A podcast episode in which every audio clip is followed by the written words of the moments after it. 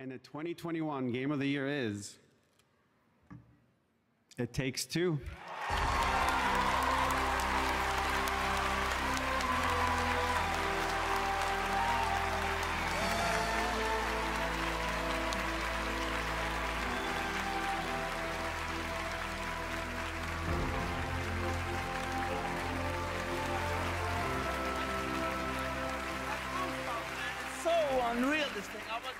In the, that stage, uh, 2017, uh, uh, saying fuck the Oscar, and, and uh, now, uh, actually, in a way, the Oscars got fucked because the Game Awards is getting way better. So, I want to. I know there are 30 seconds. I'm going to be extremely fast. So I want to thank my.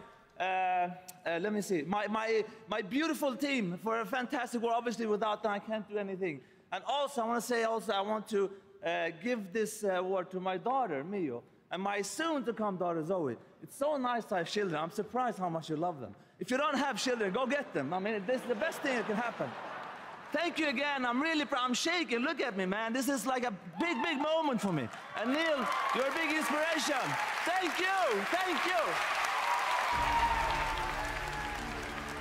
Hej och välkomna till ett nytt avsnitt av Spelat. Nu är vi inne på nummer 11. Eh, Vi hade lite jubileum förra veckan, eh, firade 10 avsnitt.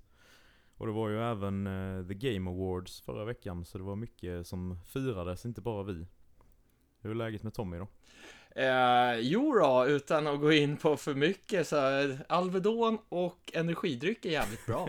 Ja, du får inte gnälla mer nu med din... nej, nej det räcker liksom. Eller hur? Jag har nått min kvot av sjukdom. 2022 ska du vara frisk hela året helt enkelt. Ja, ja, det ska vara perfekt. Blodsockret ska ligga på 6 hela tiden och ingen feber. Då, då, då, då är det lugnt. Det är så man vill leva. Eller hur, eller hur? Hur är det själv då? Är det bra? Eh, jo men det är det väl. Eh, Det har varit lite konstig dag. Bara haft min katt inne på operation och grejer. Så det har varit lite, Ja, lite oroligt så. Men det har gått bra i alla fall. Så nu håller man bara på eh, eh, laddar upp inför detta. Ja, för fan. Ja, nej, skönt att det gick bra. Ja, verkligen. Det är läskigt där med när det är djur och sådär. Man, Ja men just när de ska sövas ner och sånt här Ja. så blir man alltid lite orolig. Så är eller det hur? människor med. Ja, precis. Eh, om vi har några nya lyssnare så är ju det här alltså en podcast där vi är två killar som inte känner varandra överhuvudtaget. Eh, vi bor ju i olika delar av Sverige och har bara snackat över internet helt enkelt. Och vi lär ju känna varandra genom att göra den här podden då och snacka spel. Exakt. Och det är ju kul. Det är jävligt kul. Eh, vi brukar ju köra det här med en personlig fråga. Men jag började tänka lite nu för det börjar bli lite svårt att komma på de här frågorna. Så jag funderade på om vi skulle inte ha det som så låst segment längre utan man kan dra det lite när man kommer på något liksom. Eller hur? Så får vi se lite vad lyssnarna får gärna höra av sig vad de tycker om det. Ja, ja, vi börjar ju lära känna varandra nu också. Vi är inne på elfte avsnittet. Så att, Ja, men det är ju det. Nu börjar man ju känna att man är polare liksom. Så det börjar, det börjar bli ganska tvingade frågor nu. Ja, Man får verkligen gräva. eller hur? Eh, Men vi hade ju ett förslag från en lyssnare där också att vi skulle köra eh, veckans lyssnarfråga. Ja, från Så jag tänkte att man Tripsix. kanske ska köra det istället. Det tycker jag, och jag tyckte att hans förslag på fråga var jävligt bra också. Det är så här som jag har funderat på en hel del själv. Mm. Och det är ju, eh, ja, om man föredrar fysiskt eller digitalt, digitala spel helt enkelt. Och för och nackdelar med de här fysiska eller digitala spelen. Precis. Och hur tänker du där? Vad gillar du? Vill du ha fysisk media eller gillar du enkelheten med det digitala? Eh, jag har varit ganska blandad där. Eh, rätt länge från, från och med att PS4 kom ut så var jag ganska för digitala spel. För det var ju då det började på riktigt kan man väl säga. Ja, Eller det fanns ju på PS3 och så här också. Men det var inte lika vanligt då känns det inte som. nej. Det känns ju som Playstation Plus och Game Pass och sådär har liksom kört in det här med det här digitala. Även om man man får ju massa spel, inte gratis för du betalar ju för tjänsten, men du får ju spel med den här tjänsten och de är ju digitala. Så Mm, om, om man är van med fysisk media så har man ju ofta, väldigt många tror jag, ändå spelat digital, digitala spel Ja, och fått in det i sin rutin eller vad man ska kalla det. precis. Men sen har jag känt också med eh, de modernare bärbara konsolerna så, så har jag tänkt att det är mycket smidigare att ha det digitalt. För Ja, att slippa ha med sig massa kassetter när man reser och sånt där.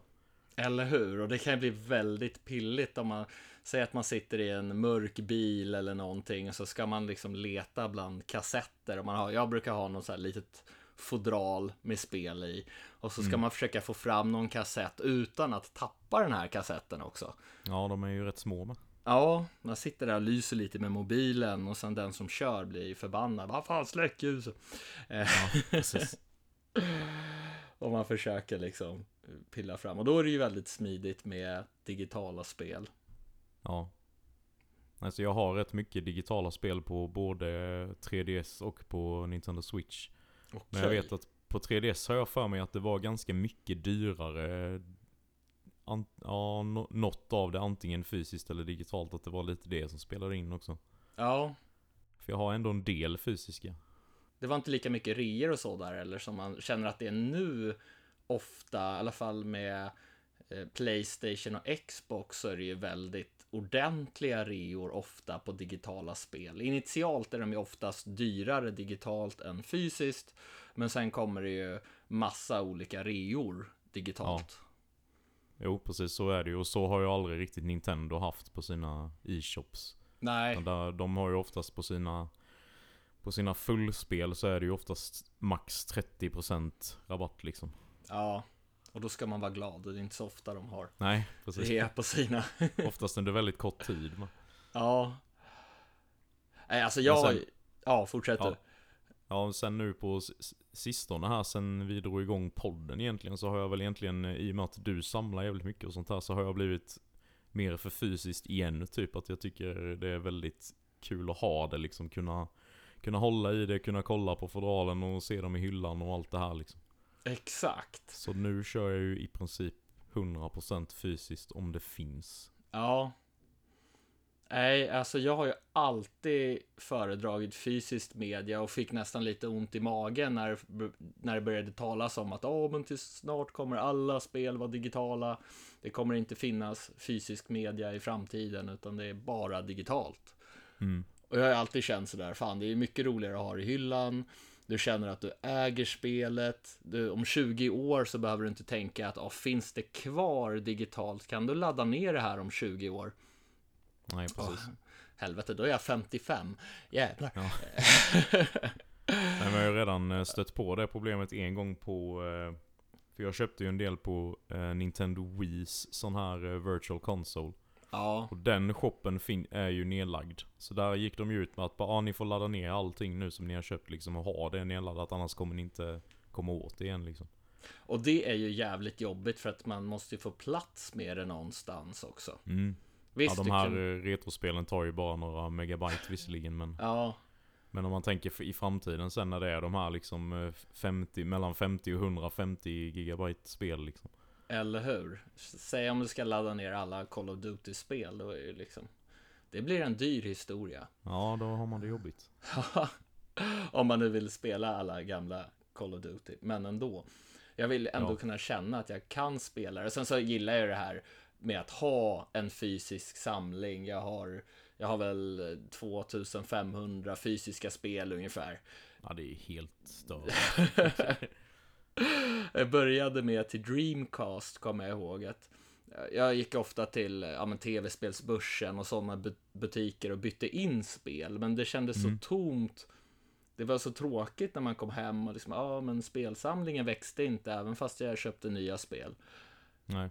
Så, så det slutade med att, nej men jag säljer inga spel. Att Nej. jag började behålla dem och sen blev det mer till en samling och jag samlar ju, men nu känner jag att jag samlar mest på äldre spel, på retrospel. Mm. För nya spel, det är ofta så att om du kräver nästan en uppdatering för att kunna spela det här spelet. Mm. Säg att du stoppar i skivan till Cyberpunk. Den versionen vill du inte spela utan en uppdatering.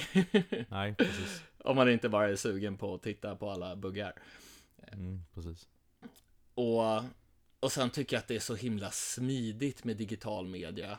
Alltså jag vet inte, är man lat när man känner att det, det är mycket lättare att byta till ett spel man har digitalt än att sträcka sig några meter till hyllan och plocka ut ett fodral och sätta i en skiva.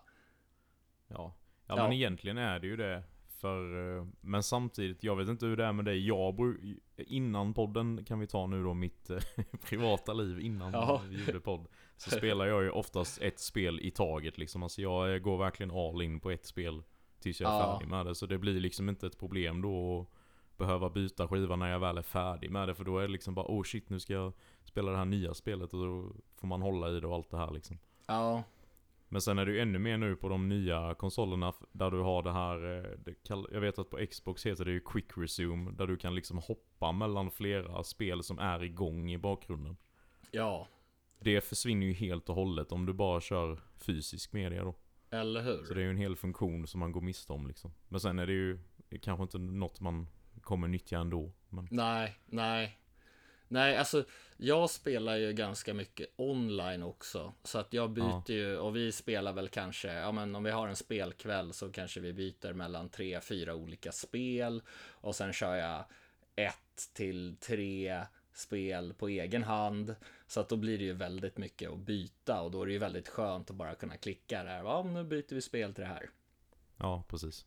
Ja, men, men man känner sig ganska lat för det är inte jobbigt att byta skiva, men det är någonting som tar emot. Jag tror egentligen att man behöver det också liksom det här att bara komma upp och stå upp eh, någon Ja. minut och sträcka lite på sig och det här om man nu byter spelfrekvens. Eller hur? Men annars är ju digitalt egentligen det bästa om man ser till att eh, det går ju åt en del plast va? Till att trycka Ja. upp de här eh, fodralen och allt det här. Eller hur? Om man ser till miljön. Men då kan man ju tänka också på äldre spel. Det är ju bra att äldre spel kommer till användning än att de bara slängs.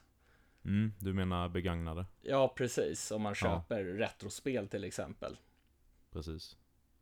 Så egentligen är det ju där då om man om man vill köra fysiska men ändå vara lite snäll mot miljön så ska man ju satsa på begagnade spel, även nyare spel då. Ja, precis. Så ja, ja det. Och det är ju också en fördel med fysiskt media att ja, men du kan köpa ett spel, du får göra vad du vill med det här spelet, du kan låna ut det till en kompis, du kan sälja det igen, Mm, du kan plocka med det vad du vill, du får, du får göra precis vad du vill, du kan bryta av den här skivan om du vill. Men ja, en digital, då är det ju liksom som att, ja, inte riktigt kanske, men nästan som att du hyr rätten att spela det här Ja. spelet. lite så är det ju. Eh, men ja, det har man ju också ryckt på någon gång att jag köpte Jag kan till och med säga vilket det var, men det var Pokémon eh, Sword till Ja. Switch. Köpte jag på release till fullpris digitalt. Eh, jag gillar ju inte Pokémon då sen innan. Men jag tänkte med, med de här Sword och Shield då så tänkte jag nu ska jag spela igenom ett helt Pokémon-spel och se om jag, om jag kan fastna liksom. Ja, Men då blev det ju att jag pushade mig igenom det och tyckte ja det var väl helt okej Men sen så i efterhand bara, ah, varför köpte jag det för 600 spänn liksom? Så hade, hade jag då köpt det fysiskt så hade jag ju gjort mig av med det efteråt liksom ja, jo men precis. Så Och det är ju jag- sådana lägen också Jag har väl en 250-300 fysiska PS Vita-spel till exempel. Folk säger att Mm. det inte finns något spel till den här konsolen, men det finns väldigt många. Jag visste faktiskt inte att det fanns så många Äh, det fysiska finns, finns betydligt fler. Ja, Så sjukt. att det, det finns ju väldigt många, men det, det är ju mycket så här nischade spel, mindre spel. Det kom ju i början som Uncharted till exempel. Ja just det Golden Abyss. Där Mm. som Playstation gjorde och jag tror nästan att det är väl det mest tekniska starka spelet som kom till den här konsolen. Jag kan ha fel, ni får jättegärna tipsa mig om det finns något Jag tror, jag tror det är det och det här Killzone Mercenary eller vad det heter. Ja, Det kommer ju ett Killzone med. Jag tror det heter Mercenary. Ja det gör det. det vet jag hade sjukt snygg grafik också för att vara Ja, men det kommer ju liksom i tidigt till konsolen och sen gav Sony upp PS Ja. Och så Gravity Rush kom ju också, också fantastiskt. Och nu har jag glömt bort vad det heter bara för det. Men, Tearaway, eh, ja precis. det var det du tänkte på? Ja, Ja. exakt. Och de här spelen funkar ju bättre till PS Vita, många av dem, än till, eller många av dem, de, flera av dem, än, än den versionen som sen kom till PS4, remastern. De kanske var snyggare, men de var ju byggda efter PS Vita, som Gravity Rush, du kunde liksom styra kameran och, och grejer med det. Mm. Så att jag föredrar ju PS Vita-versionen framför PS4-versionen. Ja, ja, jag körde ju PS4-versionen av Gravity Rush där jag tyckte det var helt okej. Ja, Kontrollerna och så här, jag gillade spelet överlag men kontrollerna kändes lite så här klumpiga typ. Ja, jo precis. Och det var ju liksom byggt efter PS Vita. Mm. Så att de, den hade ju väldigt mycket potential som konsol. Men de här nischade spelen gjorde väl att det inte nådde ut till den stora massan. Ja, Sen sålde den ju bra i Japan. jo, det har man förstått. Ja, Med tanke på hur mycket JRPG det finns precis. ett gäng. Men om man ska sammanfatta mina tankar om fysiskt kontra digitalt media så Mm. jag är nog ändå mest för fysiskt media. Jag gillar att ha spelet i hyllan. Jag tycker om mitt Ocarina of Time så fortfarande är inplastat. Jag, bruk, jag brukar i och för sig alltid säga att ja, men jag, spel jag skaffar, de är till för att spelas. Jag köper inget, inget gammalt spel inplastat bara för att ha det inplastat. Men Ja, då får man ju ha det tillgängligt på någon eh, modern plattform i så fall så att man ändå kan spela det. Precis. Men här så köpte jag det innan jag ens hade Nintendo 64 för x antal år sedan när webbhallen sålde ut. Så jag köpte det och Paper Mario innan jag ens hade Nintendo Jävlar. 64. Så att, Ja. ehm, men ja, det, det är väldigt trevligt att ha det fysiskt, men det är smidigt att ha det digitalt. Och de nya spelen tycker jag nästan att det är skönast att ha det digitalt. Även om jag köper en del fysiskt, fysiskt, just för Mm. att det är billigare. Och sen till Switch gillar jag att ha det fysiskt också. Ja. ja. men just Nintendo så är det ju sånt andrahandsvärde med om man nu skulle vilja sälja av några av spelen så Ja, får du ju nästan fullpris för dem. och sen tycker jag om den här känslan av om det blir värt pengar, även om jag inte säljer det och vill ha det i samlingen så, så är det gött att man vet att okej, det här är värt massa pengar. Och sen står det där i Ja. hyllan och man mår lite bra av, av att det är i samlingen. Jo men precis. Det blir ju, det ökar ju det sentimentala värdet också på något sätt. Ja, Och sen är det ju skönt att ha liksom som en trygghet ifall man skulle hamna i någon form av ekonomisk kris. Så Ja. har man lite backup. Även om det Precis. är sjukt tråkigt att behöva göra sig av med. ja, Man vill väl inte hamna där liksom. nej, nej, exakt. Nej men jag håller med dig där. Jag är väl också... Eh, eh, jag föredrar fysiskt. Men det är också sjukt smidigt med digitalt. Ja, Sen blir det ju en del, i och med att vi recenserar lite spel och så här så blir det ju digitala versioner i de fallen också. Så då, ja, då får man ju lite av båda liksom. precis. Och det är ju väldigt, väldigt smidigt. Och som Dreamfall som jag köpte till Xbox 360, det var så Xbox Classics till Mm. exempel. Ja, men jag köpte det, jag klarade det, tog bort det från hårddisken för att jag behövde plats. Och sen när jag skulle ladda ner igen, då var det borta från... Eh, det gick inte att ladda ner. Fan spelet tråkigt. Ja. Så det, det var ju väldigt segt. Men nu har jag det fysiskt till både PC som jag hade tidigare och Xbox. Så det är Mm. nice. Men eh, hör, hör gärna av er om hur ni gör, om ni Ja. föredrar fysiska eller digitala spel. Precis, berätta det Det gärna på. På vår Discord som eh, vi kommer länka till på våra sociala medier eller be oss om en länk. Och vi, ja det gick ju bra, alltså det var ju väldigt kul att det blev ju full fart på den här Discord-kanalen direkt. Det var ju Ja, skitkul. riktigt roligt. Ta tack som fan till er som har varit inne där och Ja. skrivit en massa redan. Det är skitbra Det- verkligen. Askul, Över förväntan. eller hur? Så eh, gå med där ännu fler, för det är ett gött gäng som är inne Ja. och snackar allt möjligt. Väldigt härligt gäng.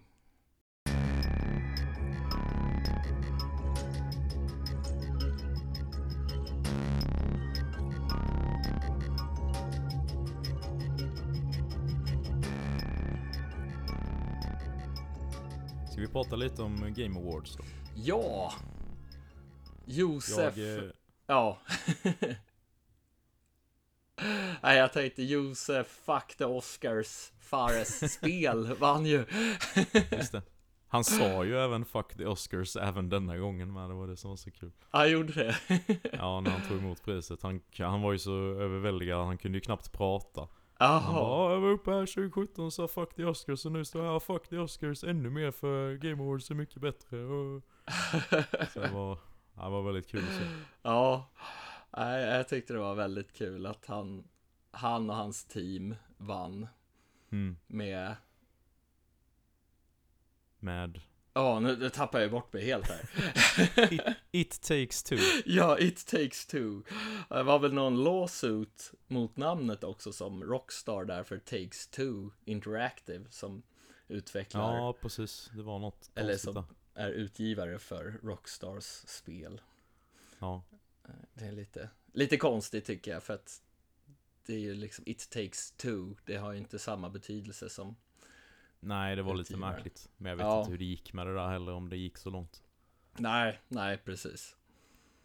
Men i alla fall väldigt kul att eh, svenska Hazelight eh, vann eh, Game of the Year på Game Awards med sitt spel. Ja, Och har ni Jag- inte spelat It takes two så rekommenderar jag verkligen det om ni gillar eh, co-op-spel. Ja, för det känns ju som att det här, det här spelet passar alla. Alltså även om du har spelat det i hundra år eller om Mm. du aldrig har spelat tidigare. Alltså det kan väl vara lite svårt om man kanske inte har spelat någonting tidigare. Ja, det är ju ändå en del liksom eh, action, platforming, vissa segment som ändå kräver att du ändå är lite van vid att spela spel liksom. Ja, Jag tror inte det är några svårighetsgrader heller direkt så. nej. Har för mig. Jag har inte spelat igenom det här spelet.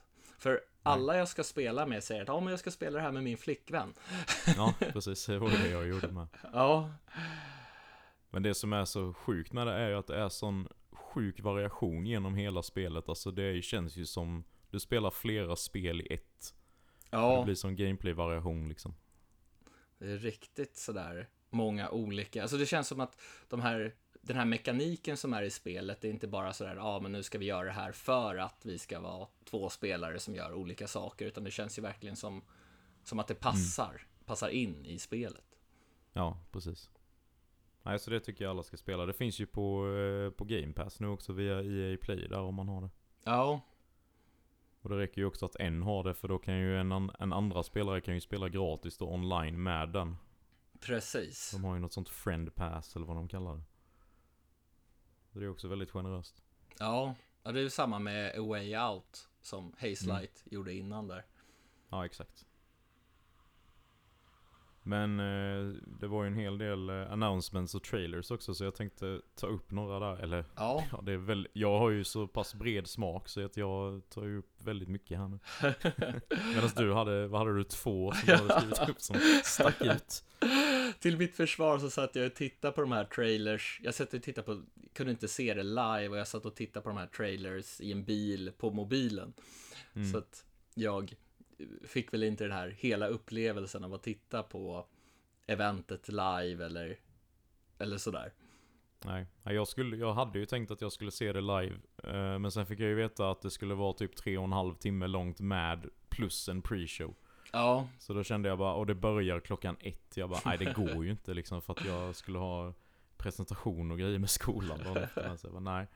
Så istället då gjorde jag så att jag gick upp svintidigt på morgonen och kollade hela reprisen då liksom på YouTube. Och då kunde jag ju dessutom spola lite genom vissa så här.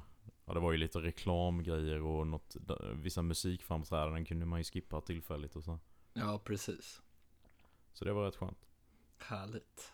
Men det var, eh, första spelet som jag skrev upp är ju Tunic. Är det något du känner till? Ja, det är det här som ser så himla mysigt ut. Det är typ, vad ska man säga, lite Wind Waker-känsla över grafiken. Mm. Man åker, man åker båt va? Över vatten. Gör man inte det? Nej men alltså, jag tänkte Nej. inte hela tiden. Men jag har Nej, att det fanns inte båt i trailern. Nähä? Du Va tänkte fan? nog på något annat då. För du, i det här spelet så spelar du som en liten räv som har typ Jaha. samma kläder som Link. Okej. Så det är väldigt hårt inspirerat av Zelda. Och det är ju top-down view då. Oj, ja nu tänker jag på ett helt annat spel som också visades. Ja, men jag tror jag vet vilket det är du menar, men se om vi kommer till det sen. Ja, men, men det här var lite pusselaktigt va? Ja, väldigt mycket pussel verkar Ja. Jag vet att de i somras, tror jag det var, när de hade eh, Summer Game Fest, som var typ som E3 då, så släppte de ett tidigt demo av detta på Xbox som jag provade.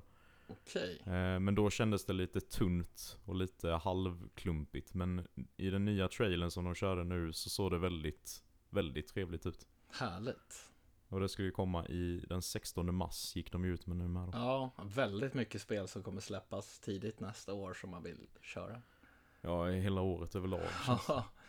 Det- Det känns, även om det har kommit mycket spel, man inte, jag har inte hunnit med spela alla bra spel som har släppts i år, så känns det ändå som ett litet mellanår Ja. på något sätt. Ja, jag vet inte, jag tycker att det har varit väldigt mycket ändå. Ja, För min del i alla fall. Eh, Jo. Det kommer ni ju märka när vi ska gå igenom Game of the Year. Jag har mycket spel där. Så det...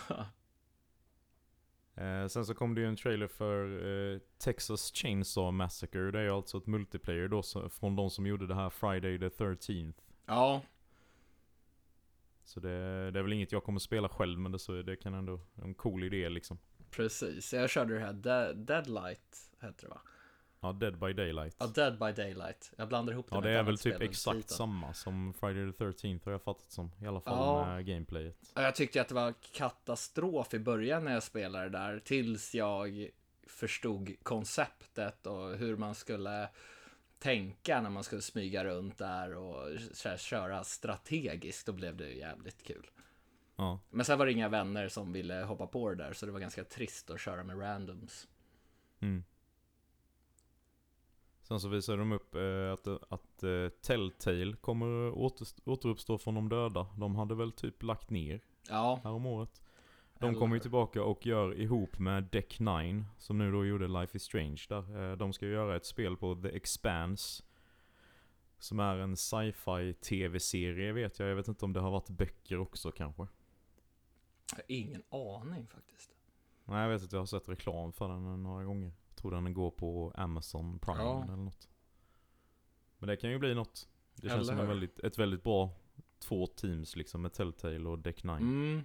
Och jag- så här, Telltale, de tog, tog väl på sig en lite för stor kostym och verkligen bara spottade ut spel. I början så Ja. la de ju ner kraft på sina spel och sen blev det mest bara en maskin.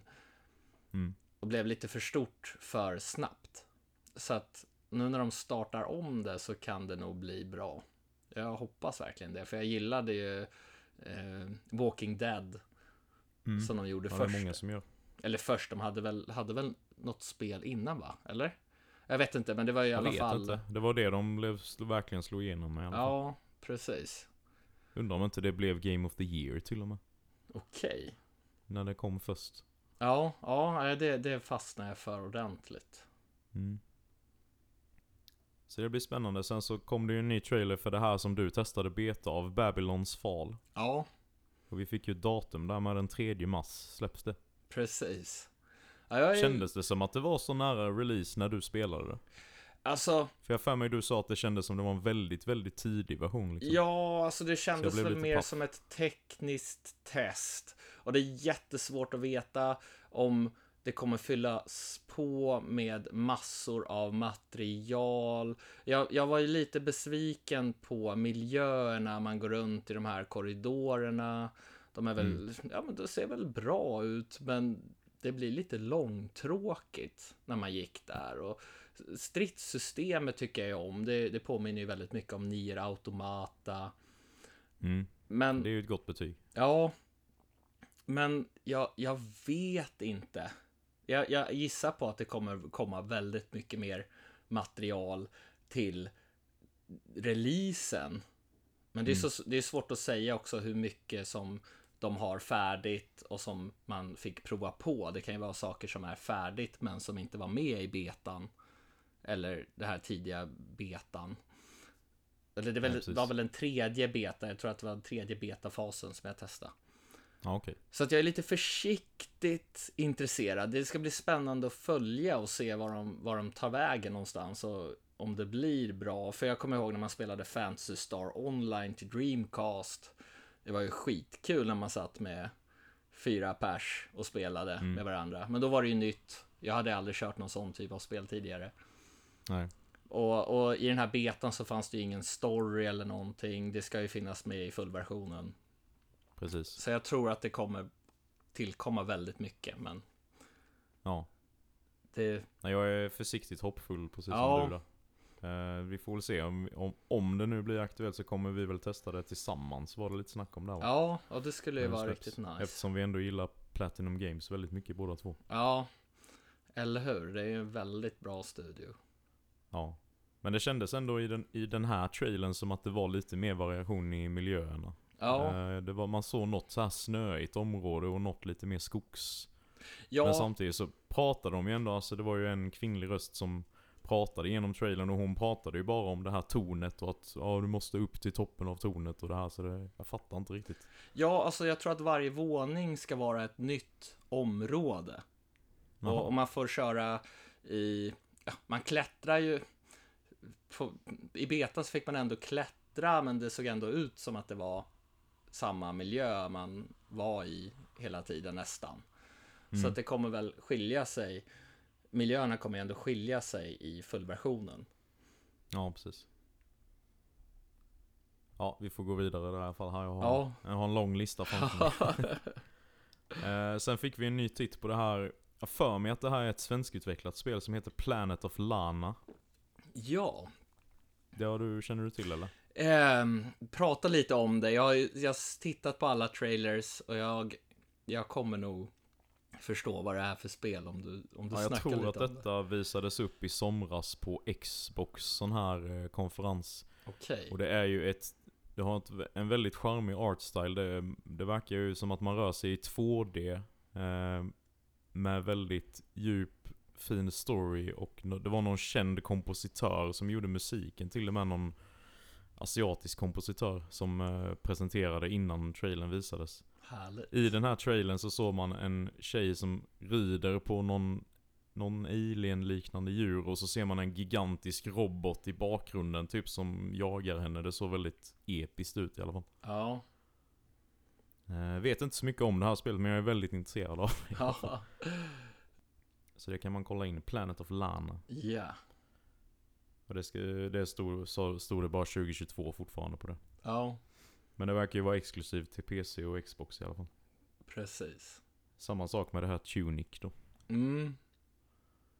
Eh, sen kom ju då, det här kan varit det, det fetaste på hela showen för min del. Jag antar att det är Alan Wake 2. Woo! Nej, Nej, okej, fan. men det kommer sen. Men det, det har en tvåa i namnet i alla fall. Okej. Eh, det är ju då Hellblade 2 Senua's Sacrifice. Ja, fy fan vilken trailer Eller, som visades. Nu sa jag fel, Senua's Saga heter ju tvåan förresten. Ja. Sacrifice är ju det första. Jag har inte spelat det första, men det finns väl på Game Pass va? Eller? Ja, Ja. jag spelade ju det där för inte allt för länge sedan. Jag hade ju missat det också. Ja. eh, under sin stortid. Men det är ett väldigt speciellt men väldigt, väldigt bra spel. Alltså Så jag gud. är så sjukt taggad på tvåan, framförallt efter den här trailern. Det är alltså det snyggaste jag sett någonsin i ja. spelform. Alltså det är någon form av någon jätte de slåss mot som kryper fram och den här trailern, och man hör liksom hur de säger saker, bara, oh, you're gonna die, eller något sånt där. Ja men hon har ju, alltså hela, hela det första spelet fokuserade ju på psykos, att hon har ju liksom röster i huvudet. Ah. Och de står, det står ju när du startar spelet att du ska spela det med hörlurar, du bör spela med hörlurar. Och då blir det liksom som att du hör de här rösterna i huvudet. Och de säger typ till dig så här, "Va- ah, vad dålig du är, varför gjorde du så här, ska du verkligen göra så här? Och Okej. det blir så himla speciellt liksom. Och det verkar ju finnas i tvåan med då, för man Ja. hörde ju de rösterna i trailern. Jag trodde ju att det var de andra personerna som var med som sa saker, men nu, nu, nu förstår jag. Ja, för det är ju viskningar liksom. Precis. Ja, men eh, jag vet inte hur mycket man ska, alltså kolla på den trailern i Ja. alla fall. eh, Hellblade 2. Jag blev ju galet sugen på att spela ettan när jag såg den också. Ja, det borde du göra. Ja. Det är också väldigt billigt idag, men jag tror man får det för 199 eller något sånt till, Okej. om man inte har Game Pass då. Men tvåan har jag fattat som att för dem, den studion Ninja Theory tror jag har blivit uppköpt av Microsoft. Så jag tror att tvåan blir exklusivt på Xbox och PC. Ja, jo men det, det ska det vara. Och det känns ju också som att när man såg det här sjuka spelet att det kommer på Game Pass det, dag ett. Det är ju helt vansinnigt. Ja, det, känns, alltså vilken... det känns som att, ja men det här kommer väl kosta 800-900 bara, Nej, så länge du betalar oss i månaden så är det bara att köra liksom. Eller hur? Nej, jag fattar inte det. Nej, jag fattar inte hur deras ekonomi går ihop där. Nej, det är konstigt. Ja, Sen så skrev vi upp, eh, så kom det ju upp eh, Lucasfilm Games. Då blir man ju genast intresserad. Låter som Star Wars. Det var det också. Ja. Eh, Det var ett spel som heter Star Wars Eclipse. Ja. Och det är ju då från Lucasfilm Games och Quantic Dream. Mm.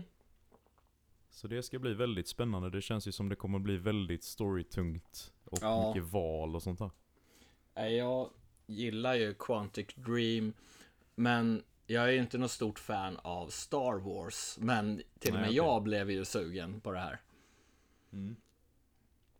Det verkar ju också vara det första Star Wars-spelet som utspelar sig under liksom den här eran som är under de eh, prequel-filmerna, alltså Episod 1, 2, 3 då. Okej. Så det verkar inte ha gjorts något spel under den eran innan. Nej. Förutom det här Podracer då till N64. Ja. Men det var väl inte så mycket story där kanske. Nej, Alltså, det man var ju bara en racer liksom. Ja, precis. Men det ska bli väldigt spännande. Ja, jag hoppas Eh, att det, att det liksom passar även för oss som inte har koll på Star Wars. Mm. Alls. Ja, det får man ju göra. Ja,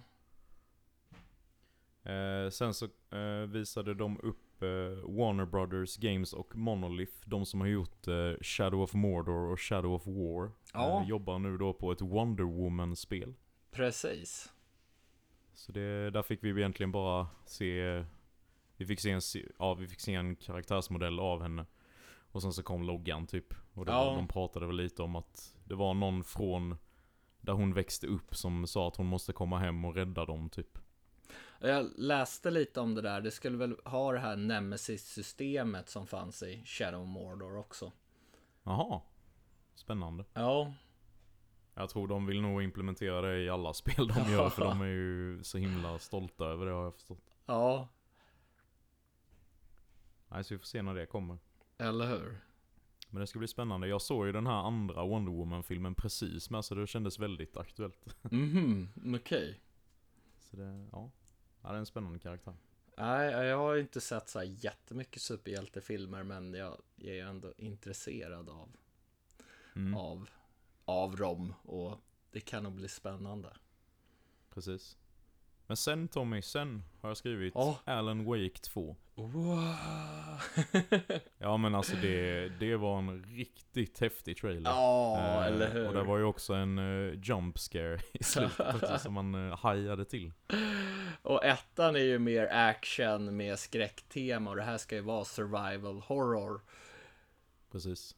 De hade ju en intervju där på scen med han som skapat Alan Wake. Han heter väl Sam Lake tror jag. Jaha, okej. Ja, det hade jag Ja, faktiskt ingen koll. Från koll. Finland. Ja, Så han sa ju det bara, nu ska vi, Remedy är ju studion då. Eh, de ska göra sitt första full-on survival horror med Mm. Alan Wake 2 då. Och jag tror att de kommer göra det riktigt bra, för de har ändå varit och snuddat på skräck eh, med både då Alan Wake det första, som jag bara spelat lite grann av, jag måste spela remastered känner jag. ja, Och även i Control finns det ju rätt mycket skräckelement också. ja, jo men precis. Sen vet jag inte hur det är i det här andra, det här eh, kon... Nej, vad heter det? Åh, nu tappar jag det helt. Det heter något på Q. Ehm, ja, Quantum Break. Precis. Där Nej. vet jag inte om det är så mycket skräck. Nej, alltså det började jag spela på, men jag, nej, jag fastnade inte. Jag, jag kanske bör ge den en till chans, men Mm. jag var, jag var ganska besviken på, på inledningen, men det behöver inte vara ett dåligt spel. Det kan, kan ju bli bättre när man kommer in i det, men man tänker så här, Alan Wake-utvecklarna gör ett nytt spel. Men Ja. Nej men det är Alan Wake 2 2023 stod det på det i alla fall så det är nog en bit bort. ja, men det ska bli jävligt spännande. Jag är taggad som fan.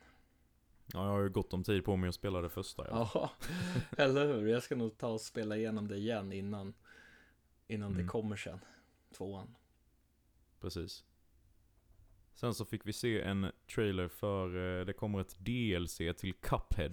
Ja, Som ska komma i sommar, den eh, 30 juni. Och jag tänkte lite så här att ja, men det är ju ganska smart att ta. Spelet där har ju flera år på nacken, men Mm. Det är ganska smart att ta ett sånt här äldre spel istället för att göra en tvåa som är precis likadan. Så kör på ett DLC istället.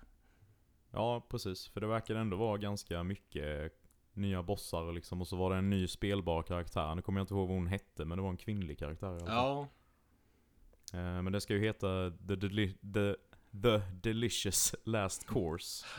De hade ju något musikframträdande där men det verkligen lät precis som musiken i spelen. jaha, okej. häftigt. Ja, där missade jag. De, de visade bara trailern där jag kollade på.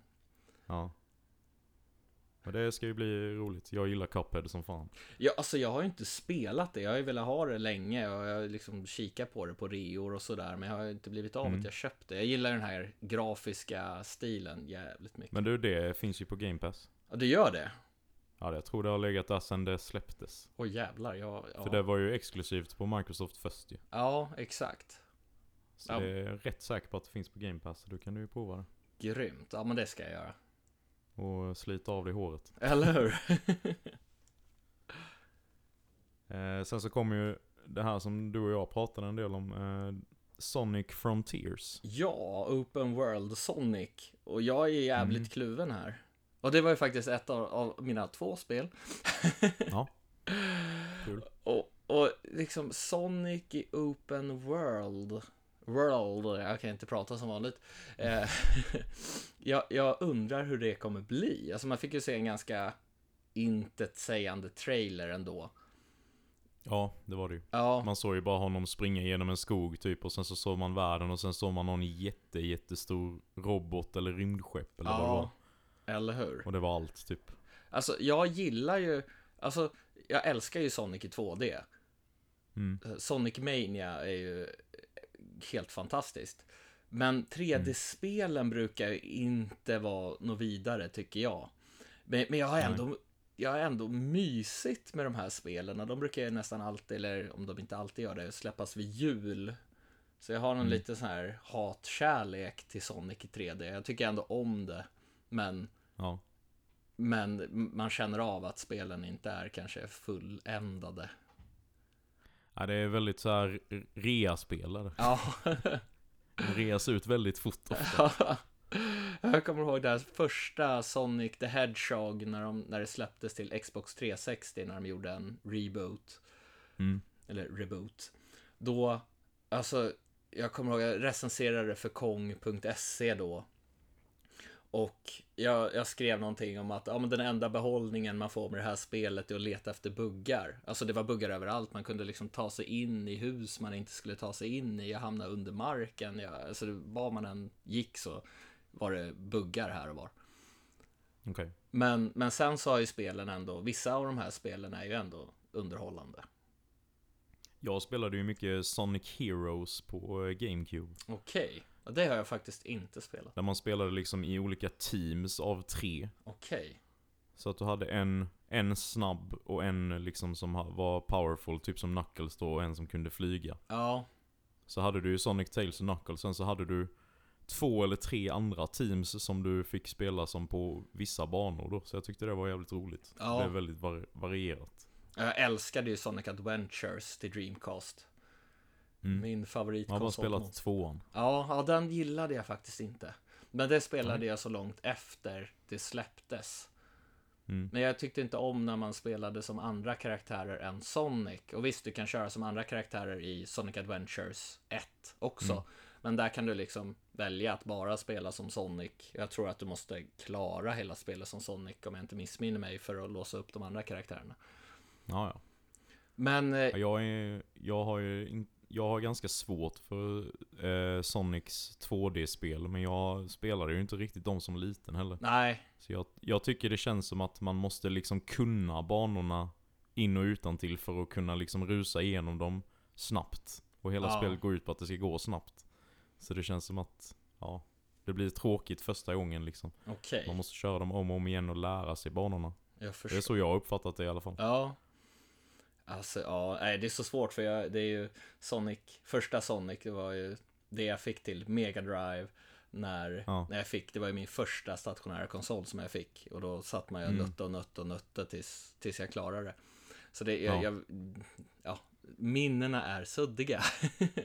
Ja, Eh, nej, precis. Eh, Jag tror inte att jag brukar spela om banorna, utan det är väl mer att man nöter till man kommer fram till mål. Ja, Men, men då har jag ju ändå det här att jag har spelat det sen jag var jo, precis. liten. Nej, jag har ju va- varit mer team Mario och Donkey Kong då. Ja, precis. Men det... Jag, jag har ju förstått att Sonic är bra spel ändå, för det har ju pratats om dem i alla år. Ja. Och, och nu till Sonic Frontier så är det väl Ian Flynn som gör manus. Okej. Och jag försökte leta om, om han har gjort manus till fler spel, men jag förstod aldrig riktigt om det bara var serietidningen han, skri- han har skrivit för eller om, om det är spelen han har skrivit om också. För att ofta så, så klagar folk på att ja, men sidokaraktärerna är så himla tråkiga utan personligheter. För det finns ju så Mm. många, Sonic har ju en jävla massa polare. Jo. Men att de är ganska ihåliga. Men han ska tydligen få till storyn för sidokaraktärerna. Och det passar väl ganska bra då om det är open world och det är väldigt många olika karaktärer förhoppningsvis som är med. Mm. Så det kan bli vara intressant även om Sonic kanske inte är känd för sin story. Nej. Utan att det är Nej, gameplay. vi får, det ska bli spännande att följa även detta spelet. Ja. Det Nej. ska ju komma hol Holiday 2022 då. Ja, så perfekt där inför julen nästa år. Mm. Precis. Sen så fick vi en ny titt och ett releasedatum för Forspoken. Ja, det är mitt andra spel jag har. Ja, det är det. Mm. Ja, detta är jag ju väldigt pepp på och även min sambo har ju sagt att detta måste vi köpa direkt när det släpps. liksom. Ja, ja, ja för fan, det, det verkar jävligt spännande. Det är ju teamet bakom Final Fantasy 15 i stort sett som gör Mm. det här. Och jag var inte jätteförtjust i 15. Det kändes som boyband on tour. Ja. Ja, Jag spelade ändå igenom det, men jag tyckte väl det var Det var väldigt häftigt grafiskt och så här och storyn var väl helt okej men det Ja det, det är inte bland de bättre Final Fantasy i alla fall, det kan man Nej. väl säga. Precis. Eh, eh, själva världen såg ju väldigt fin ut i alla fall. Och det här, det här, Mm. det här de, de säger att det ska bli det snyggaste open world-spelet någonsin. Ja, kanske det. Ja, Jag vet inte, för att jag är lite kluven med hur detta ser ut. För att jag tycker att miljöerna och när, de, eh, när hon rör sig runt så här och hoppar över stenar och träd och allt vad det är och flyger. Så är det hur snyggt som helst. Men sen så ser man ansiktsanimationerna på både henne och på de andra karaktärerna ser inte bra ut okej, alltså. okej. Där, där ligger de någon generation back. Ja, Så de har lite att jobba på då. eller hur? Ja, ja, jo men precis, det tänkte jag faktiskt inte på. Men jag, nu satt jag och kollade på mobilen här. I Ja, trailern. Jag tror att jag tror att de fick rätt mycket skit för det efter förra trailern de släppte Men jag tyckte att det hade inte putsat så mycket på till denna trailern heller Okej. Men eh, om man inte känner till det så handlar det ju om Det verkar ju vara en tjej, en tjej då från Hon bor ju typ i, ja, säg New York eller något och så blir hon ju då transporterad till en magisk värld Och där måste hon bli en druid och lära sig använda magi med de olika elementen Och blandas in i någon stor konflikt där då Ja. Så har jag tolkat det i alla fall. Ja, jo men, jo men det är samma här. Uh, jag tycker att hennes, hon, hon kan ju använda sig av magi och massa färdigheter. Det var väl något talande armband eller något sånt där som hon har. Ja, just det. Talking bracelet. Så, Mm. så så just den här kontrasten med att hon kommer från en verklig värld och sen in i en fantasy slash science fiction, får jag känslan av, värld. Mm. Precis. Jag vet att hon svor väldigt mycket i en av de första trailerna och det var många som reagerade på det att det var lite, lite onödigt. Men samtidigt så tyckte jag att det kändes realistiskt liksom för att människor svär rätt mycket överlag. Så att det, var, det kändes bara naturligt liksom. Ja, Så det, jag tyckte bara det blev relaterbart. ja. Eller hur? Men eh, 24 maj ska det släppas i alla fall. Ja. Så det, blir, det är mycket nu i vår. Ja, ja för fan, det är spännande. Hur ska vi hinna spela allt? Ja, precis. Vi får ju dela upp oss helt enkelt. Eller hur? Eh, sen så fick vi en ny trailer för och gameplay reveal för eh, A Plague Tale Requiem. Ja, gud vad jag älskade ettan. Eller, det var hemskt bra med betoning på hemskt. Mm.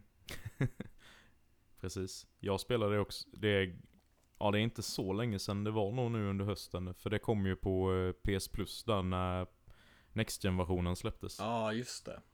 Så då spelade jag det. Jag tyckte det var svinbra. Ja, Eh, Så jag tror att tvåan kommer bli, precis som med Hellblade där nu med mycket högre budget. Ja. eh, Så tror jag verkligen att det kan bli ett toppenspel. jag tror det också. Så det var ju så himla starkt. Det lämnade Mm. ett sånt avtryck. Precis. Riktigt bra eh, atmosfär och Mm. att det utspelar sig under liksom pesten. Och det här att de har gjort liksom en övernaturlig twist på det. Ja, Och väldigt starka, eh, säger man, barnskådespelare. För de måste ju vara barn, de som pratar. ja, Kanske inte hon som är huvudpersonen Mm. eh, av syskonen. Hon kan nog vara vuxen på rösten tror jag, men de andra är nog barn. ja. Men nu är de väl lite äldre va? Än vad de var i ettan. Ja, jag vet inte hur långt efter det utspelar sig. Nej. Jag tyckte att han, eh, brorsan, såg ändå fortfarande väldigt liten ut. Ja, Men eh, nej, det ska bli väldigt spännande. mm, mm, ja det är ett av de spelen jag ser mest fram emot. Mm. Det Faktiskt. ska komma, det stod bara 2022 på det, så någon gång under året. Ja, Sen fick vi se en väldigt, väldigt konstig trailer. Eh, och där stod det ju direkt då började det pratas om eh, Silent Hill. mm, Och då tänkte man ju, oj, är det nu det kommer det här beryktade Silent Hill-spelet då? Antingen från Hideo Kojima eller, det, eller Konami. För jag tror det har ryktats om att båda de jobbar på vassigt Silent ja, Hill-spel. ja, eller hur? Men då var det ju istället Silent Hill-skaparens nya studios nya spel Ja, som heter Slitterhead. Han du se trailern för detta? ja, alltså jag fick uppfattningen om att det var lite mer actionfyllt än Silent Hill. Mm, eller att det det tyckte jag också. Mm, Och det var nästan så här lite komisk touch på trailern också. ja, Det började så här väldigt skräck, men sen så blev det lite så här urflippat typ. eller hur? Så jag, jag fick inte direkt någon uppfattning av vad det var. Jag har ju ingen koll på Silent Hill-spelen heller så. Nej, nej. Nej, det, det, det har jag. Jag älskar den Mm. serien. Förutom ettan var ju grym när den kom på 90-talet. Men det var väl 90-talet. Nu, nu, jag tror att det var 99 eller 98 eller något sånt där. Men Ja. jag har försökt spela det nu på senare dagar, men det har inte riktigt gått med kontrollen. Nej. Men eh, jag vill ju ha en, ett nytt Silent Hill med dagens teknik. Mm. Ja, det var ju väldigt lovande där, alltså det som eh, lades ner där från Ja, eh, PT. Kojima. Ja, precis det som blev PT. Ja, Med han Norman Reedus i huvudrollen, med han som var i Death Stranding. eller hur? Det såg ju sjukt lovande ut. Sen, sen bestämde ju Konami sig för att de inte skulle göra några storspel längre, förutom Pro Evolution Soccer, som de också har lagt ner nu. De släppte Ja. väl något så här riktigt tragiskt fotbollsspel som var gratis. Mm. Precis. Men, men man kan hoppas att Konami kommer tillbaka med sina storserier igen. Ja, verkligen. De har ju haft jättemycket innan. Ja, Eh, sen det sista jag skrev upp var ju det här då, eh, The Matrix Awakens. ja det här Har du hunnit det- kika på det? Nej, jag har inte spelat det, men jag har ju sett lite lite video och lite så här kort. Det, det ser Mm. väldigt makalöst ut. Precis. Och de, eh, de gjorde ju då reklam både för detta, eh, som då var en, egentligen en tech-demo för Unreal Engine 5. Ja, Men som ändå då var spelbar. Den går ju att ladda ner. Eh, den gick att ladda ner inför, men då var det bara en countdown när man väl startade det fram till Game Awards då. har du hunnit Eh, men testa? den är ju helt gratis om man vill testa detta. Det finns ju på både Playstation 5 och Series X och S. Ja, Eh, och jag har testat det, jag tyckte det var sjukt häftigt. Okej. Alltså det, det ser verkligen fotorealistiskt ut i stundvis. ja, ja, vi- visst kan man gå i stan där också? Precis. Eh, I slutet av demot så blir man nedsläppt och kan gå runt hur man vill och så här. Men det finns ju inte direkt något att göra. Du kan hoppa in i fordon och köra dem om du vill. Men Ja, Det är mest verkligen för att se, för jag för mig att det är någon sån här autogenererade NPCer och lite sånt här. Okej. Eh, ja, det verkar vara väldigt lovande med den här motorn i alla fall, så det ska bli sjukt spännande att Ja. se spel som nyttjar det. Ja, alltså nu så är det väl väldigt många spel som utvecklas för både den nuvarande generationen och förra konsolgenerationen. Så man är Mm. lite så här mitt emellan innan de kommer de här riktiga dunder snygga spelen. Precis. Även om det finns spel då som endast har släppts till den nya generationen. Ja. Nej, det ska bli spännande. Ja, precis. Och det var ju inte så mycket eh, announcement där annars utöver det, utan det var ju mest att de ville visa den här tech-demon då. Ja, Och så var det ju en ny trailer för filmen. Sen så fick vi ju två andra filmtrailers också. Vi fick ju en trailer för andra Sonic-filmen. ja, Och den tyckte jag faktiskt såg väldigt charmig ut. Okej. Eh, det kändes som att det skulle hända väldigt mycket mer än i den första. jaha. Har du sett den första filmen eller? Nej, det har jag inte. Nej. Jag är ändå Jag tycker faktiskt att den är ganska okej ändå. Ja, Den har väl fått lite blandat ja, omdömen. En del tycker den är bra och en del hatar den. eller hur? Nej men den tyckte jag så häftig ut. Det var ju coolt att de har fått in eh, originalröstskådisen för Tails också Ja, i filmen då.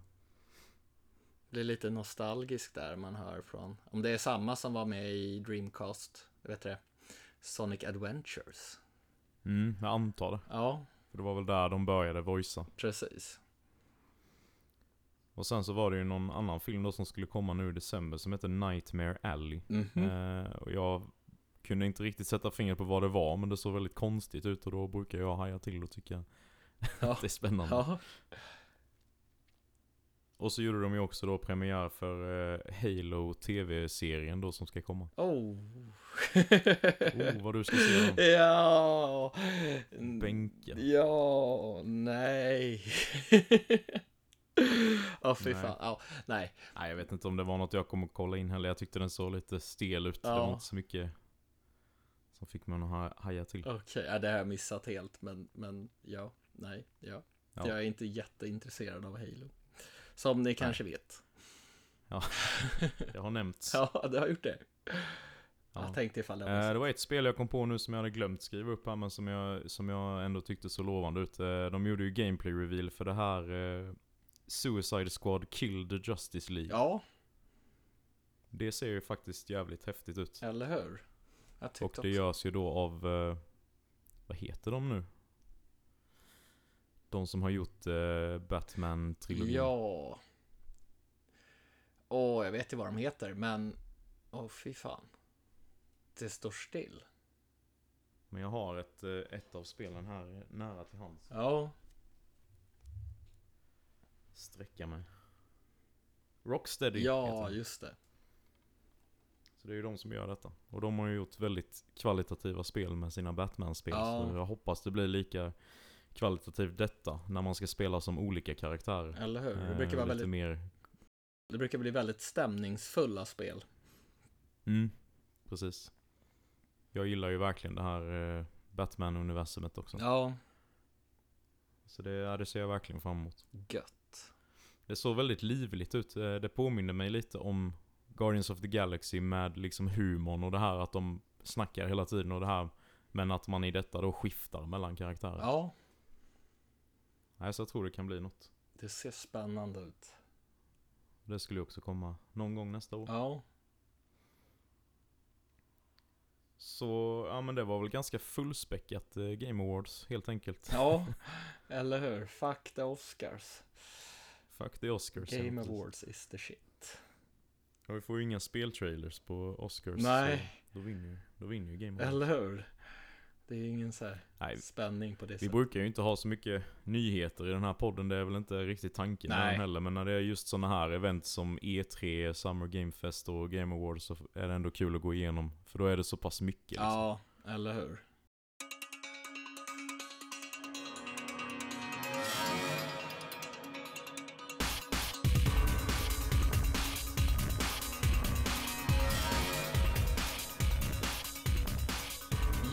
Jag gillar Battle Royale. Det kanske folk vet om. i det här laget. Jag har snackat en del om PubG, alltså Player Unknowns Battlegrounds och Squid Game har jag väl nämnt den här tv-serien i typ var och varannat avsnitt. Och Mm. för ett tag sedan så snackade vi ju lite om Danganronpa. Och, Ja, och då efter det här avsnittet så tipsade Viktor oss på Facebook om Zero Escape Virtuous Last Reward till Playstation Vita. Mm. Och det påminner ju en hel del om Danganronpa. Det påminner ju inte om PubG där man släpps ner 100 pers som ska skjuta ihjäl varandra där det är ett lag som vinner. Men Nej. man vaknar upp på en plats, man har ingen aning om hur man har tagit sig hit. Och man upptäcker att det är andra folk där. Och de vet inte heller vad som händer, men de har en klocka på armen som inte är någon klocka, utan det står typ nummer tre och så är man ja, antingen en viss färg och sen så står det solo eller pair, alltså par.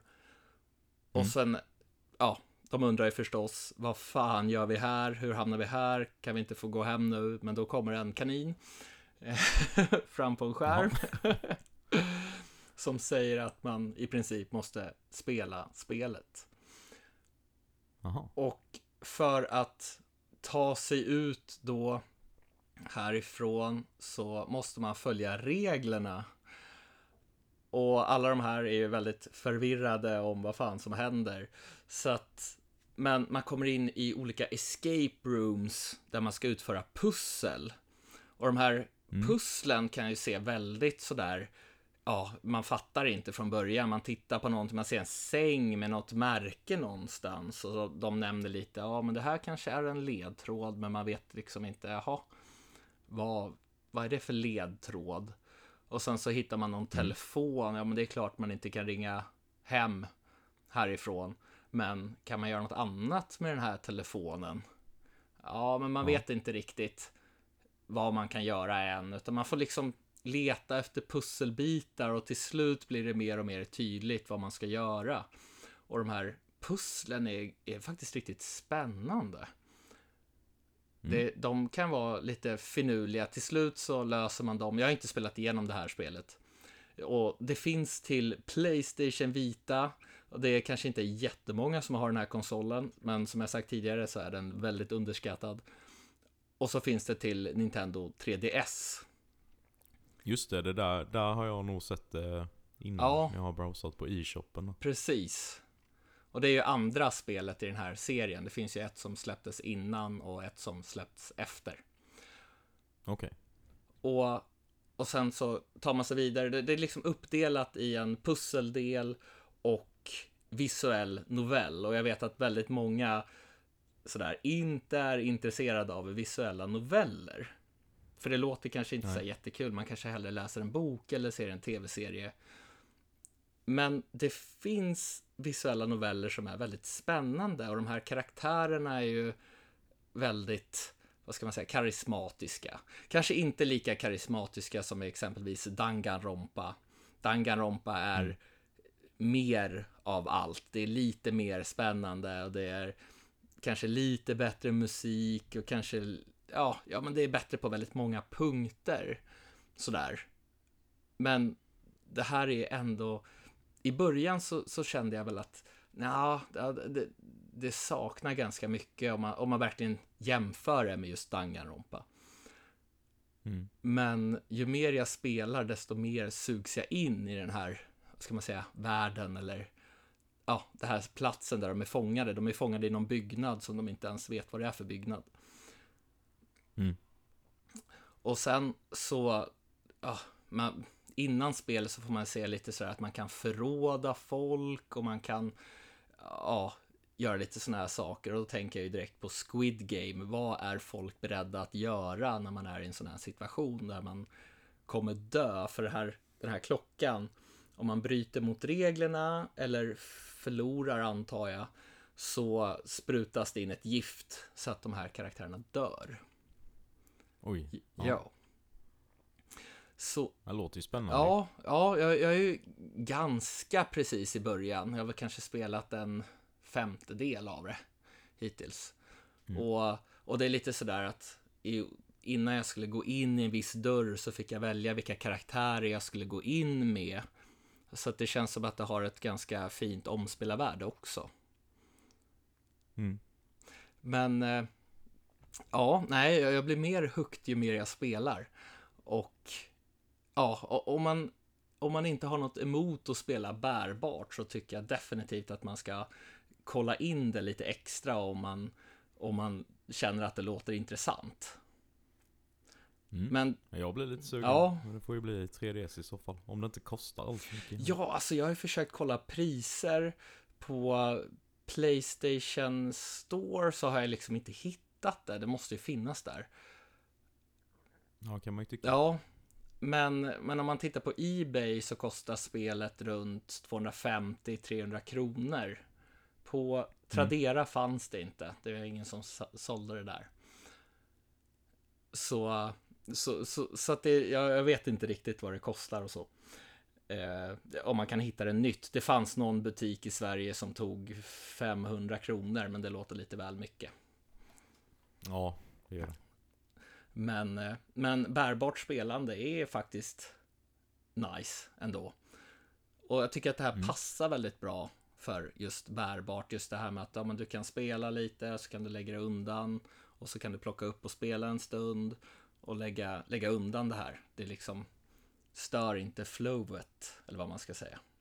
Det är väldigt lätt att Nej. plocka upp och köra när man känner för det och avsluta precis när man känner för det. Precis. Nej men kul. Ja, så att jag ska, jag ska fortsätta spela det här och, och se hur karaktärerna utvecklar sig. För det är nästan det jag är mest intresserad av, just den här karaktärsutvecklingen vad, och se djupet bakom karaktärerna. Mm. Och-. Och samtidigt pusslen är väldigt, väldigt bra gjorda av det jag har spelat hittills. Härligt. Ja, Kul med ett uh, lyssnartips ja, också. eller hur? Och blev väldigt högt faktiskt. Mm. Så ni Det, får, får, det får man gärna skicka in Ja. om man har tips eller hur? på spel man tror att vi kommer gilla. Verkligen. Riktigt nice.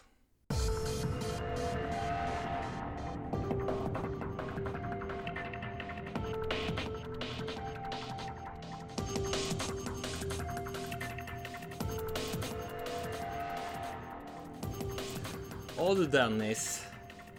Vilket spel är mest överskattat i år och varför är det Halo Infinite? Ja du. Eh, jag har faktiskt en rätt bra kontring på, på, på den frågan. Okej. Och det är för, för att eh, det är väldigt likt eh, Far Cry. Jaha, och jaså. Och vi har redan fått Far Cry 6 i år. Och- Så vi kanske inte riktigt behövde detta. Okej. Visst är det lite mer open world än tidigare? Jag kan inte säga open world. World, ja. än, än tidigare. Ja, alltså, ja, det är ju Det är ju inte indelat i banor eller kapitel som det har varit i de tidigare spelen. Nu har jag bara spelat ettan och tvåan av Halo. då. Ja, Eh, Men det är ju Det är typ en öppen värld, men flera områden är liksom låsta tills du har progressat i storyn. okej. Så du kan ändå inte röra dig helt fritt. Eh, men... Eh, ja, till skillnad från de tidigare spelen så känns det ju... Jag tycker att det påminner väldigt mycket om ett Ubisoft-spel i form av Far Cry då, för att det är ju väldigt mycket det här, ta över en bas och då låser du upp nya grejer på kartan som du kan göra. Ja. Och, det, och du har en väldig variation i vapen som du hittar överallt. Och du kan hitta fordon överallt. Så det blir väldigt, det blir väldigt kaos liksom. Okej. Som påminner mig om det roliga i Far Cry verkligen. Ja, Eh, och det var jag verkligen inte beredd på att det skulle vara i detta spel. nej, Så det var en stark eh, överraskning. eller hur? hur? Hur är det med storyn och sådär? För, jag- för jag har tänkt lite på att jag tycker att Master Chief är världens tråkigaste protagonist. Men det är inte alla som Mm. håller med mig och, och det är väldigt många som, som tycker att Halo har en väldigt intressant story. Hur, hur upplever Mm. du det i Infinite? Eh, jag tror ju att den här storyn spelar vidare på det som hände i femman Ja. och kanske fyran också. Eh, jag har ju inte... Jag hade ju tänkt... Först hade jag tänkt att jag skulle spela igenom alla Halo inför detta. Okej, Men det blev inte riktigt Nej. så. För det fanns andra spel som lockade mer. Ja. Sen så tänkte jag att jag skulle kolla igenom såna här YouTube-videos om storyn i varje spel då. Eh, Men då kollade jag på tvåan för att jag har inte spelat tvåan sedan jag var rätt så liten. Ja. På original Xbox. Eh, Och då kollade jag igenom på den och då kände jag bara ah det var segt typ. Och då vet jag inte om det var själva storyn som var seg eller om det bara var segt att kolla på en sån summary. Precis. Men eh, i, i Halo Infinite i alla fall så börjar det med att en cinematic då där Master Chief slåss i en hangar. Och så blir, får han stryk eh, av någon stor bjässe där då. Eh, som slänger ut honom i rymden. Och det är ju det man har sett i trailers innan då att han liksom fly, flyter runt ute i rymden och blir ju upp, uppfångad av en ensam människa i ett skepp då. Ja. Och han eh, väcker, väcker ju honom då och ger honom ja, näring och allt vad det är. Och han och Master Chief blir ju helt direkt bara ah, var är vi? Jag måste, jag måste göra mitt uppdrag liksom. Så han är ju så himla rakt på sak.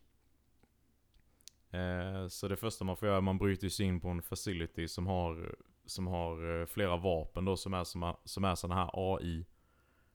Eh, för han har ju haft, genom de, an, de andra spelen, framförallt i det första då, så har han ju den här Cortana. Mm. Som är som en liten kvinna som han ser som ett hologram på sin hand typ. Som pratar med honom och som han kan sätta in i olika maskiner så att hon hackar dem och allt vad det är. Precis. Eh, Så han ska ju hitta henne där då, men hon saknas då. Men då hittar han en annan sån här AI som bara kallas för Weapon. Och hon säger ju då att eh, jag hade ju uppdrag att eh, förstöra Cortana. Eh, och sen så skulle jag raderas. Och i och med att jag fortfarande lever så lever Cortana också, men vi vet inte var hon är.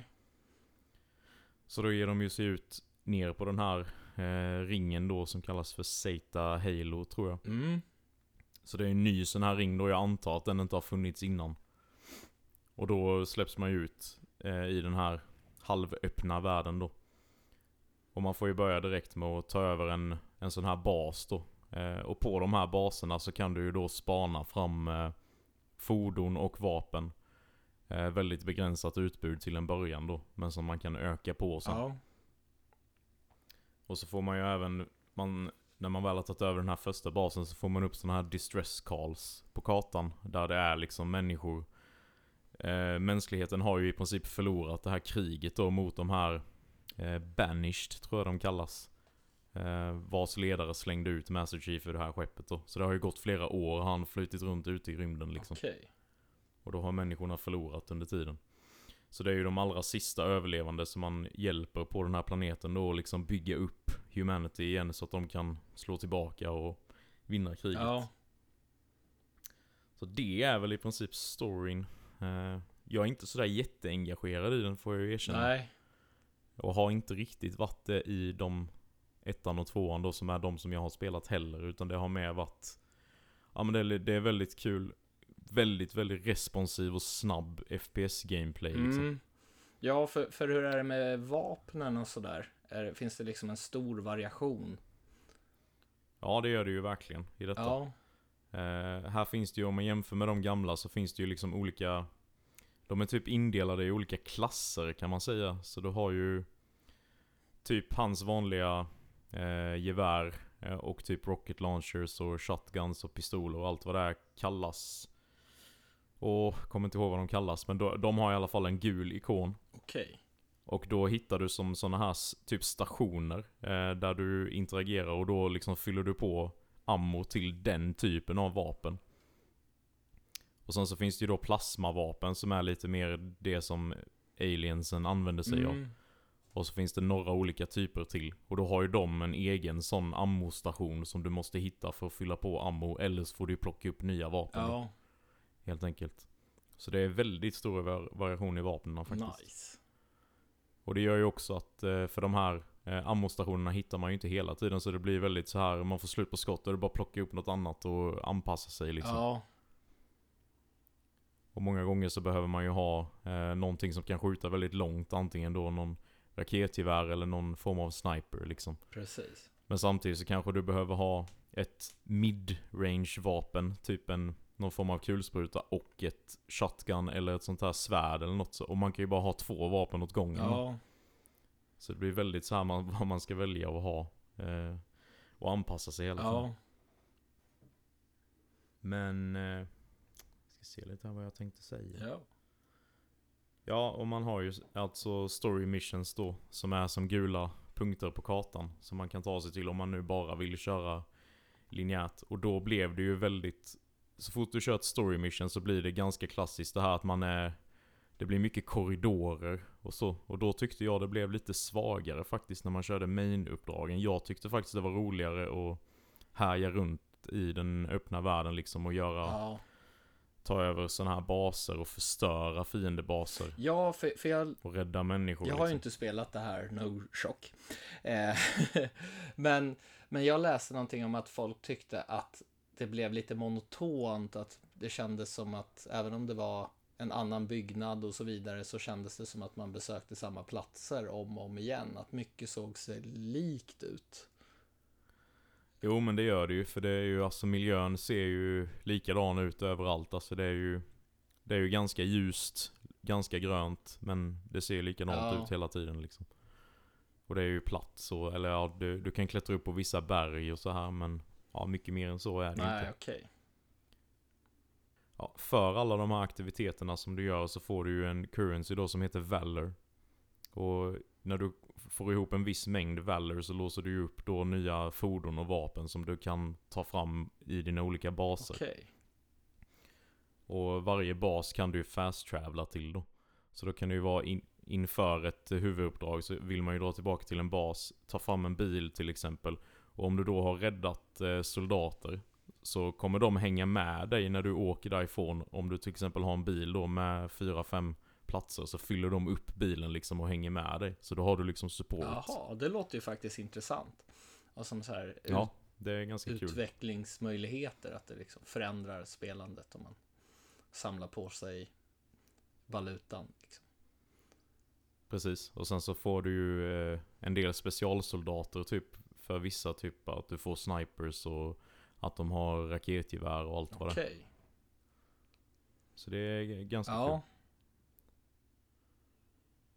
kul. Eh, och så har man ju också såna här, eh, eh, jag tror de kallas för targets. Och det är ju som en lite svårare fiende då. Det påminner nästan om det här Nemesis-systemet som du nämnde Ja. innan. Fast det är inte så att du förlorar något på att dö om du inte besegrar dem. okej. Men om du besegrar dem så låser du då upp i din bas en eh, specialversion av vanliga vapen då. Som de här targets bär på. Så det är ganska värt att jaga rätt på dem Ja, också. Och de är ju lite som, ja vad ska man säga? World-bossar kan man väl nästan säga. okej. Och så har ju de en, ett helt gäng fiender runt sig då som skyddar dem. Så det, är det är ganska vari variation i aktiviteterna. Ja, så att det känns ändå som att det finns underhållning att hämta. Alltså att det, det är ändå ett bra spel i grund och botten, eller? Ja, alltså jag har haft väldigt roligt Ja. med det. Eh, Men jag tycker som sagt att main storyn har inte varit så engagerande, tycker inte jag i alla fall. Nej, Jag tycker nästan att det är det, det svagaste stunderna har varit när jag har kört huvuduppdrag och slängs in i de här korridorerna och det blir väldigt Det blir ju väldigt klassiskt Halo på ett ja, sätt. Tycker jag. Men det är ju också väldigt klassiskt Halo att vara ute med fordon och sånt där. precis. Och det är lite synd att det co-op-läget inte kommer på en gång. Ja, för det tror jag hade passat väldigt bra i, i detta. Ja, jo, för det är väl det som jag, när jag har spelat Halo och faktiskt haft kul med det, så, så är det ju när man Mm. har spelat flera stycken samtidigt. Ja. Precis. Sen så är det ju nytt i detta också då att man har en uh, grappling hook. Ja. Och det brukar jag ju gilla i alla former av spel när man har det och man kan svinga runt. Ja, Så den gör ju väldigt mycket i gameplayet att man blir väldigt rörlig. Så man känner sig nästan som en superhjälte liksom när man kan. För du kan ju både sätta den på avsatser och på marken för att liksom svinga dig framåt. Eller så kan du dra dig till fiender. Och då kan du uppgradera den här gra grappling-hooken också så att du gör liksom som ett laddat superslag när du väl kommer fram till fienden så att den liksom flyger iväg. okej. Så man känner sig väldigt mäktig. Ja, Och det blir ju också i och med att striderna blir svårare och svårare så blir det verkligen det här att man måste improvisera och anpassa sig efter den det man har runt sig. Både vad det är för miljö, vad det finns för byggnader, fordon och allting. Och vad du behöver ha för vapen i just den situationen. och Ja, Så. så det känns som man kan liksom inte bara köra samma vapen hela tiden och bara tro att det är fine, utan man måste hela tiden anpassa. men det är ju ganska spännande i och för sig, så här att man Ja, bygger på lite taktiska detaljer också. Precis. Så jag tycker ändå att det känns väldigt fräscht Ja. eh, för Halo. Men nu har jag ju missat väldigt många Halo-spel då, Ja. men om man jämför med. För jag vet inte, de andra kanske har varit väldigt lika varandra. Ja, ja, jag har inte spelat sådär jättemycket. Sen trean körde jag väl ganska mycket med kompisar. Och sådär. Mm. Men sen har det som sagt inte varit sådär jättemycket. jag har försökt spela det online, men då, jag vet inte, jag, jag tycker inte om de här Halo-hopparna. Alla som bara hoppar fram. Hopp, hopp, hopp, hopp. Mm. det känns så, Nej, precis. ja, jag vet inte.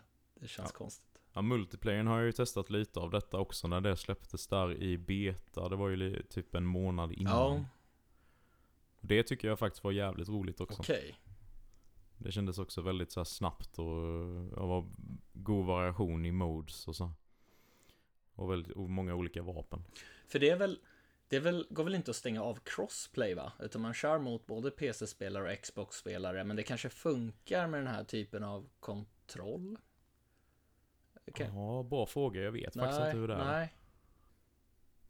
Men nej, det, var, det var ganska kul Ja, också. Eh, Men jag är inte, inte helt säker på om jag kommer spela färdigt det här spelet. För jag känner att den här Open World-grejen som jag tycker är väldigt kul nu, kommer jag inte tycka är kul i längden. Tror jag Nej. inte. För att jag tror jag kommer komma till en punkt där jag känner bara, ah, men nu gör jag bara samma sak om och om igen. typ. ja, jo men precis. Och i och med då att jag inte är så engagerad i storyn så finns det sen inte så mycket för mig att hämta. Nej. Nej, nej, alltså det här med korridorer känns ju ganska, ja, off för mig i alla fall. Jag gillar inte när det bara är massa tråkiga korridorer man springer runt i. Nej, och det har ju varit i princip varenda huvuduppdrag hittills så ska man in någonstans och då blir det lite samma sak och så är det en typ bossduell på slutet Ja. och så ja, vet man vad det blir. Okej. Så fienderna då, är det variation där och bossarna, skiljer de sig mycket från varandra eller? Bossarna hittills har sett i princip likadana ut, bara att de har haft olika vapen. Ah, okej. Eh, Det är ju såna här bjässar då som han, de ser ju ut typ som han som slängde ut den där i början. Ja.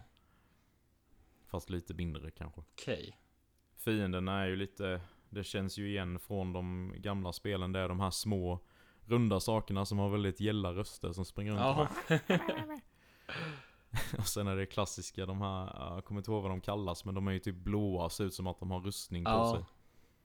Finns väl lite andra färger också. Men sen finns det ju också då vanliga grunts av de här banished. Eh, De ser ut nästan som orker när man möter dem. Okej. De dyker upp väldigt ofta också. Så det är väl hyfsat bra vari- variation på Ja. fienderna. Men bossarna känns ju lite sådär medelmåttiga. Mm, jo, precis. Det, det känns mer som dueller än liksom stora bossfighter. Ja. Om man säger så. Så det är inga stora bjässar man möter liksom. Inte hittills i alla fall. Jag har ju inte... Jag vet inte hur många jag kan ha spelat. Sju timmar eller Ja. Eh, och det ska väl vara ungefär 17-18 timmar långt om man fokuserar på main storyn. Så jag har inte kommit till det jättelångt. Nej, nej, precis. Så det är svårt att säga. Men det är ju väldigt hyllat så det kanske blir superbra längre fram. Nej. inte. Men eh, har man game pass så kan man ju absolut testa Ja, det. jo, jag, Då har man ju inget att förlora jag är på. ju inte den största Halo-fanet, men jag ska nog ändå testa det sen när man kan köra i co-op. Mm. Se hur det funkar då. Jag tror det skulle komma i maj eller något sånt. Så det Ja. Exakt. Ja, då lär det ju komma massa andra spel som man får väl se. om man, Ja, om man får tid till det, men det är väl mest Nej men det var kul att pröva i Ja. alla fall. Så om det är någon annan som har testat Halo Infinite får ni gärna höra av er och säga vad ni tycker. Ni kanske ser på det med helt andra ögon. exakt. Om ni aldrig har spelat ett Halo innan eller om ni har spelat alla Halo liksom. Det hade varit kul Ja. att höra. Vad ni Jo, tycker för det är väldigt många som gillar Halo också. Som, är, som Mm. tycker att det är sjukt bra. Mm. Ja, Jag gillade ju verkligen Halo när jag var, när jag var mindre då, när jag fick min första Alltså original Ja. Xboxen så fick jag ju den med Halo 2. Okej. Och då vet jag jag körde det med någon kusin, att vi körde liksom hela i co-op, local co-op Ja. på samma skärm. Och det var ju hur kul som helst. Ja, liksom. alltså det är, det är få spel där man kan köra lo local co-op idag. Det är, Mm. Ofta är det ju väldigt mycket sådär som man kör över nätet i co-op. Ja, precis. Så det, nej, det var en miss att de inte hade med det vid Ja. launch. För jag tror det är många som liksom associerar Halo med just Eller co-op. hur? Så det kan vara att det får ett uppsving där när det läggs Ja. till sen. Men det var vad jag tänkte om Halo Infinite i alla fall. Yes, tack för det. Så att du slapp Ja. Skönt. tack Ja. så mycket. Tack. Ja, vad gör Eller hur?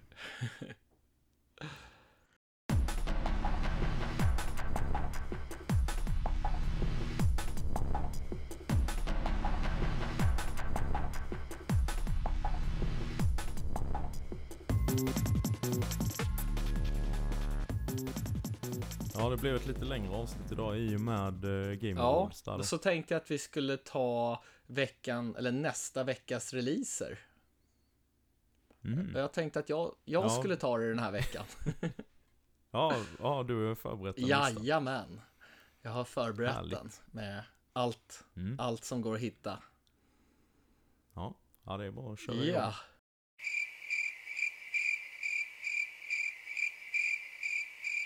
Ja. Det var det. Ja, Precis. precis. Det, det, jag hittar inget. Det verkar Nej. tomt. Nej, jag tror det är ganska Ja. tomt nu resten av eh, året här. Så vi, jag tror vi pausar det segmentet i ett par Eller veckor. hur? Så kanske vi kan börja titta Yes. lite på ja, kommande spel som ser intressanta ut nästa år. Mm, som har lite mer fasta eh, releasedatum. Eller hur? För det finns ju en del om man säger så. Ja, precis. Men eh, vi tar det i kommande Det avsnitt. gör tror jag. vi, det gör vi. Så ska vi inte uppehålla er Nej. mer. Men eh, vill, ni, vill ni ha mer av oss så eh, hoppa in på Discord. Yes, be om en länk eller kolla våra socia- sociala medier på Facebook eller Instagram. Precis. Jag tror vi ska ta, lägga till den här Discord-länken i eh, avsnittsbeskrivningen också. Smart. Det är lika Det gör vi. Så tills nästa vecka så får ni ha det så Ja, gött. ha det så bra och spela massor. Så, Spela tusen miljoner spel. eller hur? Så hörs vi nästa vecka eller ja, på våra sociala medier, Discord. Det skulle vara jättekul. Eller mig. Precis. Spelat podcast at gmail.com. Precis. Och ni har länkar i Ja, avsnittsbeskrivningen. Så det, ha det så ja, bra. ha det gött. Hej då!